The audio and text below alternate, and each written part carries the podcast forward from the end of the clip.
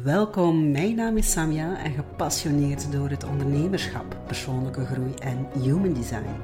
Ik help open-minded ondernemers om hun passie te herontdekken. Ik laat hen zien dat het ook anders kan en begeleid hen richting vrijheid, autonomie en authenticiteit. Ik hoop dat je er goesting in hebt. Let's get started! Heel wat mensen hebben moeite met het uitspreken van het woord nee. Nu, het durven nee zeggen kan uiteraard in verschillende contexten, maar in iedere sfeer, gelijk hoe dat gedraaid of keert, blijft het nee zeggen toch een uitdaging.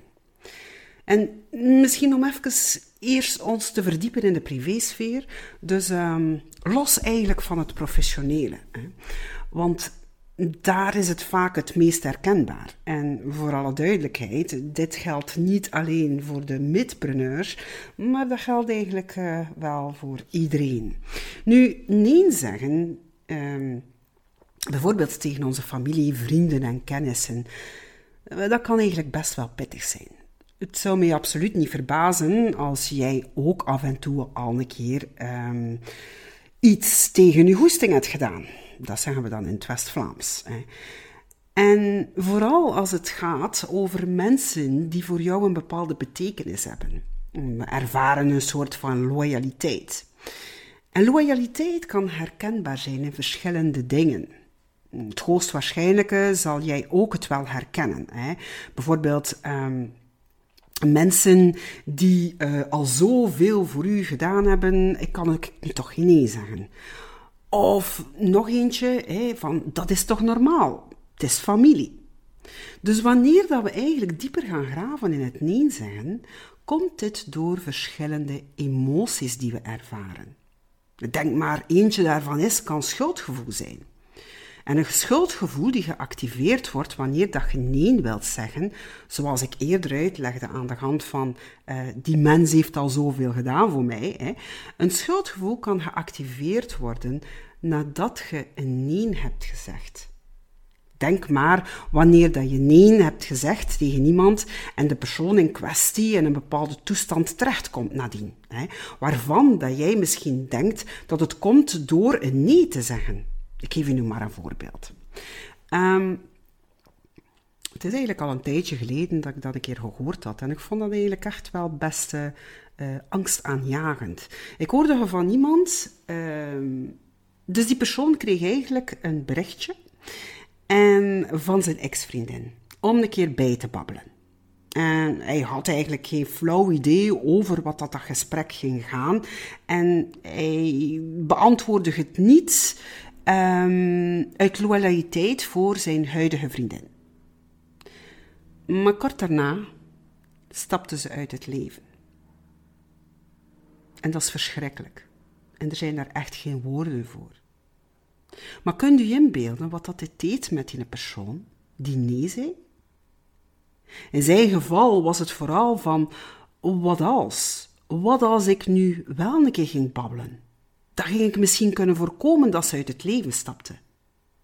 Misschien kon ik haar helpen om haar eh, in contact te brengen met bepaalde professionals die haar misschien zouden kunnen verder helpen. En de vragen zijn eindeloos. En het drukt enorm op schuldgevoel. En ik ben er bijna zeker van, als deze persoon nogmaals tegenkomt, of dat hij dan nogmaals tegenkomt, dat hij dat wel zal doen. Omdat hij dat gevoel niet meer wilt ervaren. Een schuldgevoel is een last die iemand kan ervaren. Het voelt eerder zo, dat is een verstikkend gevoel. En je draagt dat heel de tijd met u mee. Dat legt op uw schouders een schuldgevoel. Dat is verschrikkelijk. Het is rot, het is zwaar en het zijn liever dingen dat je ontwijkt. En hoe ontwijk je dat? Inderdaad, door gewoon ja te zeggen in plaats van nee. En je wilt in dit geval de egoïst niet uitgangen door nee te zeggen. Je offert jezelf op ten gunste van iemand anders. En nu kunnen misschien wel denken van, allee Sam, ja, dat is toch normaal dat je dat doet in dit geval. Soms moet u een keer tegen uw gedacht iets kunnen doen om anderen te beschermen, om een ander te kunnen helpen, toch? Kijk. Om anderen te kunnen helpen, dan dien je eerst in je eigen kracht te gaan staan. Je dient open te staan om te kunnen geven en om te kunnen ontvangen. En wanneer dat je nee zegt, of wanneer dat je nee wilt zeggen, betekent dit dat je op dit moment geen energie genoeg hebt om een ander te kunnen helpen of om in te gaan op een bepaalde vraag. Als je een ja zegt, maar eigenlijk een nee wilde zeggen, kan het zijn dat je of in een bepaalde weerstand zult uh, geraken, of misschien geef je verkeerd advies om er bijvoorbeeld rap vanaf te zijn. Je kent dat wel, hè? Verkeerde advies geven van, ja, weet je wat, ik ga het toch doen. Uh, ik ga luisteren en misschien zit zij geneigd om te kijken naar huurwerk. Maar wat geeft dat dan? En wil dat dan bijvoorbeeld zeggen dat je er niet voor open staat op een later moment? Maar natuurlijk kan dat. Tuurlijk. Het is niet waarom dat je op dit moment geen energie hebt, dat het misschien op een later moment niet kan terugkomen. Kijk, we zijn allemaal geboren met zo'n schone eigenschap, namelijk het voelen. En het voelen, dat komt vanuit ons lichaam. Maar wat is er eigenlijk gebeurd gedurende de jaren heen? We hebben het afgeleerd. En ik herinner mij nog een serie, ik ben nu de naam even kwijt, maar goed, dat doet er niet toe. Uh, ja, ik ben gek op detectieve eh, reeksen en series. Ik vind dat zo fascinerend. Dus uh, in die serie herinner ik mij uh, dat er een bepaalde detectieve, ze gaat naar haar een baas en ze zegt, hey baas, ik voel dat we daar moeten gaan invallen. En waarop die een baas zei van voelen, voelen, we zijn daar niks mee voelen, het moeten feiten zijn. Dus begrijp je wat dat er al jaren door ons strot wordt geduwd? We zijn namelijk afgeleerd om niet meer te voelen. En dat is zo'n zonde, want door het voelen kunnen we de juiste keuzes maken. Door te voelen wat correct voor u is, bouw je de juiste energie op die je vervolgens kunt doorgeven. En pas op, je hoort mij niet zeggen dat je altijd een nee hoeft te zeggen. Hè? Je dient een nee te zeggen als je voelt wanneer dat je een nee wilt zeggen. Want wat ik nu echt wel opmerk, um, dat is niet verkeerd bedoeld, by the way, hè, um, maar mensen die bijvoorbeeld gigantisch bezig zijn met persoonlijke groei, um, dat ze ervan uitgaan en dat ze denken dat ze effectief overal nee moeten gaan opzeggen. En misschien helpt dat die mensen om bepaalde grenzen te leren optrekken. Hè. Um, maar eerlijk gezegd, ik ben het daar niet altijd mee eens. Je dient nee te zeggen omdat je lichaam jou vertelt dat je daar nu op dit moment geen energie voor hebt. Misschien is dat ook nog een keer een interessante topic voor de, eh, de volgende keer in de podcast. Uh, by the way, eh, dit is ook een stuk die we aanpakken in ons jaarlijke life shift traject. Je eigen grenzen leren trekken is je eigen authenticiteit bewaken. Maar goed, terug naar het nee durven zeggen. Want dit ervaren we ook in onze business. Hè. Hoe vaak gebeurt het niet dat we onze klant zo goed willen soigneren dat we ook geen nee durven te zeggen? En de vorige keer, in de vorige podcast, uh, had ik het eigenlijk over um, loslaten. Beluister zeker de vorige podcast uh, als u die een topic uh, echt interesseert. daar had ik het over loslaten van hetgeen wat jou lang, niet langer resoneert. Dus ook wat mij niet langer resoneert. En omdat ik bepaalde diensten niet meer wil doen, heb ik het ook moeten zeggen tegen bepaalde klanten. En heb ik ook moeten nee zeggen tegen bepaalde klanten. Zo had ik nog enkele aanvragen binnengekregen voor een losse human design analyse of een reading uh, op te maken, maar dat voelde je niet meer correct voor mij. En het gaat er hem niet om dat ik die mensen niet wil helpen. Nee, nee. Het gaat erom dat ik niet het resultaat krijg die ik zou willen zien. Dus die mensen heb ik dan ook gecontacteerd en heb ik meegedeeld dat ik het niet zal doen.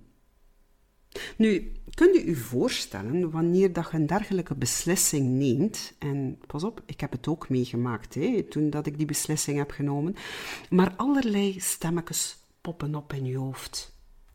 zoals van, god, wat is er omgegaan in mijn hoofd? Uh, van, oh my god, ehm, wat gaan die mensen nu wel niet denken van mij? Gaan ze nog wel willen spreken met mij? En, en nog eentje van, het zijn toch inkomsten? Ik zou moeten blij zijn dat er inkomsten binnenkomen, toch? En dat is dan een ideale overtuiging die we hieraan kunnen kleven. Remember, wie het kleine niet eert, is het grote niet weert. Um, ik weet niet of dat je hem kent, maar het komt er eigenlijk op neer dat we ook dankbaar moeten zijn voor de kleine dingen die op ons pad komen. Nu, die, uh, die quote of whatever dat je het wilt benoemen, die heb ik heel vaak mogen horen bij mijn grootouders. Ja, wat um, en ook hier kan je dan weer denken van, ja maar Samja, wees een keer dankbaar, want die overtuiging gaat daarover, over dankbaarheid. Maar ja, ben ik dankbaar? Absoluut.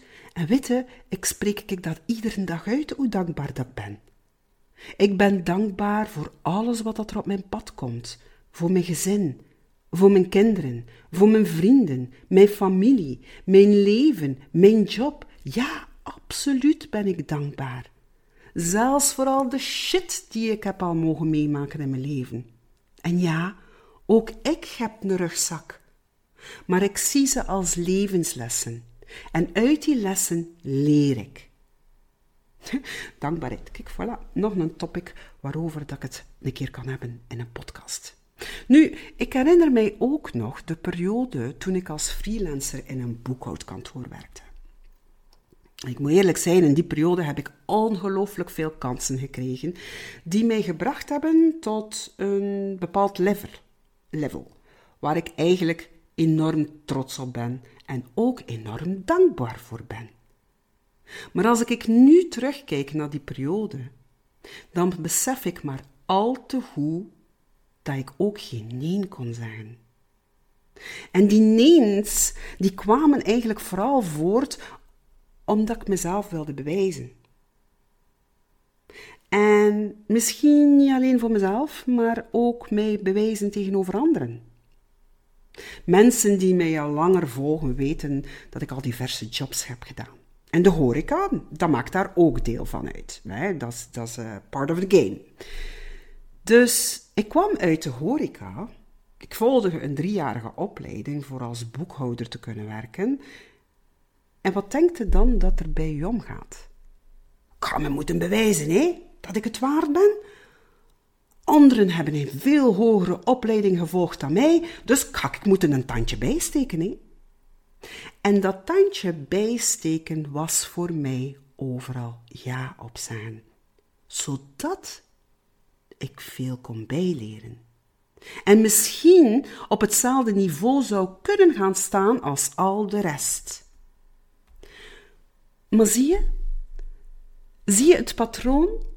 Snap je de logica waarom we het zo moeilijk hebben om nee te zeggen? Nu, is dit herkenbaar voor jou?